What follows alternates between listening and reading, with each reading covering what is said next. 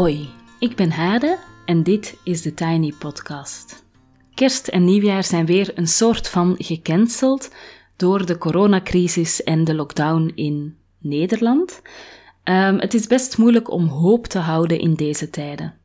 Zelfs al kan je alles goed rationaliseren en is het heus ook wel gezellig met een boek en een kop warme chocomelk bij je thuis, het voelt toch ook wel een beetje uitzichtloos soms.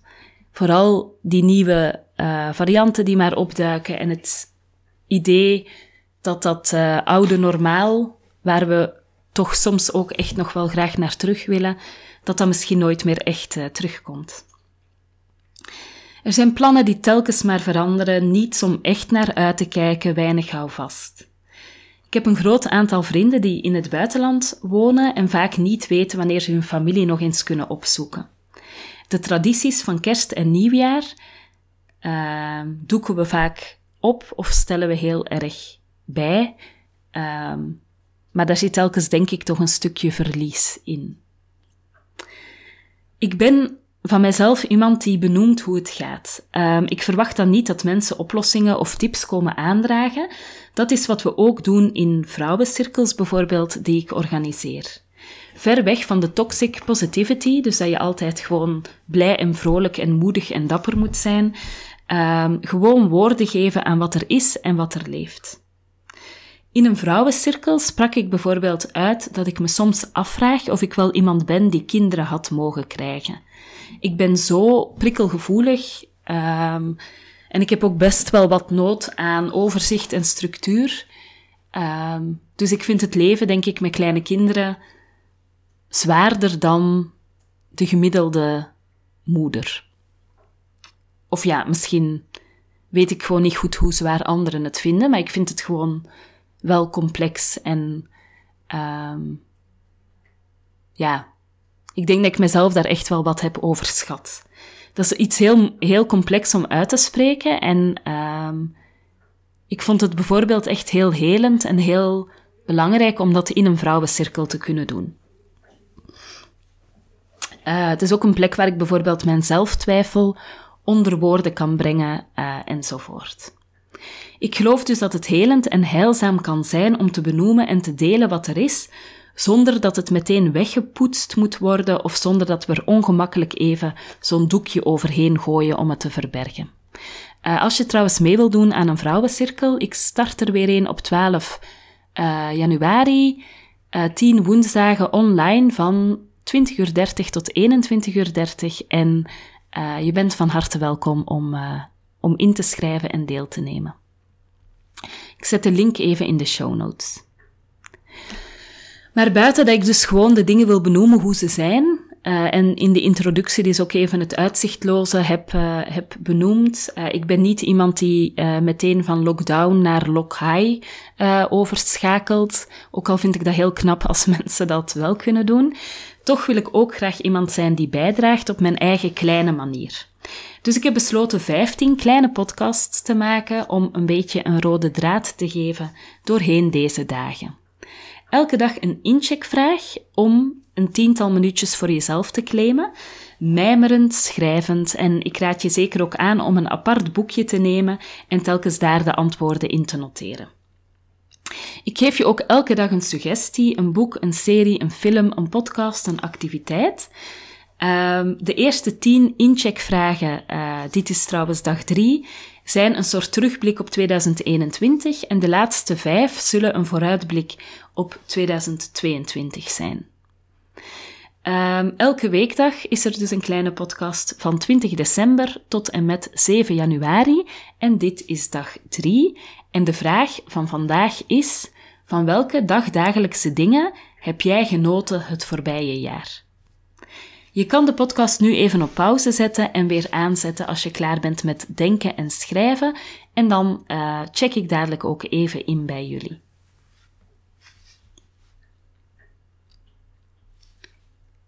Voilà, ik deel even mijn dagdagelijkse dingen. Voor ik ze ga noemen, ga ik even vertellen dat die dagdagelijkse dingen vaak een barometer zijn van hoe het met me gaat. Als ik het kan opbrengen om er aandacht aan te besteden, om er tijd voor te maken, om er ruimte voor te nemen, is dat een indicatie dat het goed gaat met me. Indien niet, dan moet ik mezelf even bij de haren naar boven trekken of gewoon wachten tot het beter gaat. Dat kan natuurlijk ook. Op een bepaald moment had ik trouwens ook zo'n inzicht over geluk. Dat geluk niet is dat alle omstandigheden meezitten en dat het goed gaat, dat het je voor de wind gaat. Maar geluk, merkte ik toen, is meer dat je, ondanks alles wat er speelt, toch blij kan zijn en oké kan zijn. Uh, en dat was voor mij ook een heel verhelderend inzicht, dat dus um, ja, niet alle factoren waar ik niet altijd grip op heb, um, uh, positief moesten zijn, maar dat ik gewoon in een soort van veerkrachtige staat ben op zo'n moment als ik mij gelukkig voel, dat ik om kan gaan met de, met de factoren die dus niet meezitten. Um, en op die manier merk ik dat die kleine dagdagelijkse dingen um, dat die niet maken dat ik gelukkig ben, maar ook een indicatie zijn dat het goed gaat en dat ik mij goed voel. Omdat ik dan de ruimte heb om daarmee bezig te zijn. Maar ik zal even mijn dagdagelijkse dingen opnoemen. Eerst en vooral soep maken. Um, oh, wat heerlijk is het om groenten te roosteren in de oven, een ui en een en look lang te laten uh, stoven, lang en traag op een laag vuurtje om te ruiken hoe de geuren de keuken vullen, de mixer er uiteindelijk dan in te zetten en een grote kom dampende troost uit te scheppen. Een tweede, lezen in plaats van scrollen. Lezen vraagt veel meer mentale inspanning, maar als ik dat kan opbrengen, merk ik dat het eigenlijk dus goed gaat met me. Beter dan als ik eindeloos door Instagram, um, ja, vooral Instagram eigenlijk, ik vind Facebook niet zo fijn, uh, scroll. En heel soms brengt lezen me ook echt in een andere wereld, alsof ik in een diepte gezogen word en de personages van het boek even echt en even dicht lijken dan mijn eigen gezinsleden. Dan naar de bibliotheek gaan. Uh, ik vind dat echt een plek van zoveel potentie. Uh, in ons leven gaan we vaak gericht op zoek naar dingen, bijvoorbeeld info over een bepaald thema of een fenomeen. En dat doe ik natuurlijk voor mijn werk ook en dat moet ik ook doen. Hè. Ik moet gewoon mij echt heel goed verdiepen in bepaalde thema's. Maar in de bib kan je struinen, dingen uit de rekken pakken, kijken wat jou vindt, in plaats van supergericht op, op zoek te zijn naar wat je zoekt. God zij dank dat de bibliotheken op dit moment nog open zijn en dat je op die manier, ja, dingen pakt, kookboeken, uh, weet ik veel, um, uh, leesboeken, romans, whatever. Dingen waar je niet naar op zoek was, maar die wel veel kunnen brengen. Dan fietsen in de duinen. Uh, toen Pieter mij voor het eerst meenam naar de duinen hier, was ik er letterlijk stil van. Ik had echt het gevoel dat ik in een andere wereld was of zo. Um, de duinen hier, de Kennemerduinen, lijken op een soort maanlandschap. Um, ik ben de Belgische kust gewend met zijn appartementen, um, zo van die enorme appartementsblokken en dijken. En plots wandelde en fietste ik door kilometers lange duinlandschappen die wel een maanlandschap lijken, uh, waar ik af en toe een duinmeer uh, tegenkwam of een kudde wilde paarden of Schotse hooglanders. Ergens uh, zit er ook in mijn hoofd een soort van plan Wacht, ik geef natuurlijk cursussen vaak aan vrouwen rond persoonlijke ontwikkeling. En het lijkt mij heel leuk om een keer een, uh, bijvoorbeeld een lang weekend of een weekje te organiseren. Een soort van ja, voedende vakantie hier in de duinen uh, voor een groep vrouwen.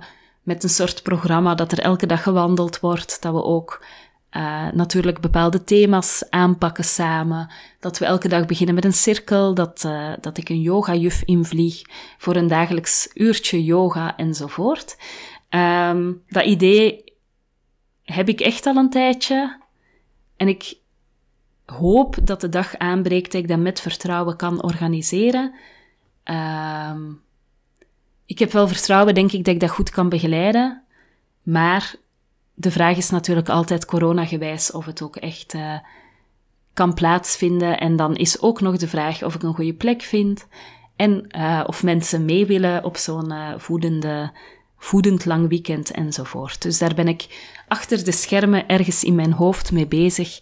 Um, en ik denk dat die duinen hier echt een perfect decor vormen voor zo'n, uh, een, ja, een soort retreat, om het dan maar even zo te noemen. Dan koffie. Een goede kop koffie is warm en troostrijk. Toevallig is Pieter een koffiesnop. Dus hebben we thuis koffie van mooie kwaliteit, met een barista-waardig schuimlaagje, tenminste als hij de koffie maakt. Ik ben nog altijd niet, um, ik heb mij nog altijd niet goed verdiept in de techniek van de schuimlaagjes. Um, en heel af en toe krijg ik zo'n kopje koffie op bed en dan word ik daar echt helemaal gelukkig van. En dan uh, gezonde lunch maken is ook, is ook nog zo'n dagdagelijks dingetje. Ik doe het niet vaak, maar ik ben altijd heel trots als ik naar mijn kantoor vertrek, twee straten verderop, met een soort knapzak met soep, een paprika in stukjes, uh, een bakje blauwe besjes zit er dan vaak bij, uh, tomaatjes met ui en wat citroensap en een paar druppeltjes olijfolie, een restje gegrilde groenten, wat uh, weet ik veel gekookte granen, ehm, vers geperst appelsiensap en een bakje met noten. Dan voel ik me echt altijd een soort van supervrouw. Ik zou dat echt, echt vaker moeten doen, maar dat vraagt natuurlijk ook weer best veel uh, voorbereiding en organisatie. En dan de laatste bloemen. Uh, ook dat doe ik eigenlijk niet vaak genoeg, maar als ik het doe, kan een bosje bloemen op mijn kantoortje me echt heel erg deugd doen. Um, jammer genoeg heb ik daar ook altijd zo'n stemmetje bij, dat het, ja, bloemen zijn natuurlijk een soort wegwerpproduct. Um, en ik vraag me ook altijd af of die dan wel ecologisch worden gekweekt. Dus ik heb daar ook altijd zo'n soort van schuldgevoel bij, van heb ik hier wel recht op dat ik bloemen koop die dan anderhalve week in een vaasje staan en die ik dan in de groenbak gooi. Dus het is een beetje dubbel en tegelijkertijd voel ik ook elke keer dat ik er blij van word. Dus in die zin moet ik gewoon, um, moet ik het gewoon vaker doen, denk ik. Voilà. Tot daar mijn dagelijkse dingen. Zoals elke dag geef ik ook graag een tip. En dat is vandaag het boek Meisje, Vrouw, Anders van uh, Evaristo. Ik moest echt even over een drempel heen, omdat de schrijfstijl zonder punten en hoofdletters even wennen was. Maar het is een boek geworden um, voor mij waar ik echt zo in zat dat ik in een zwart gat viel toen het uit was. En dat ik dan meteen dacht, ik moet het nog eens lezen. Um, want ik mis het boek of die personages die. Het voelde alsof die meegingen met mij, alsof die bij mij waren of zo, heel gek.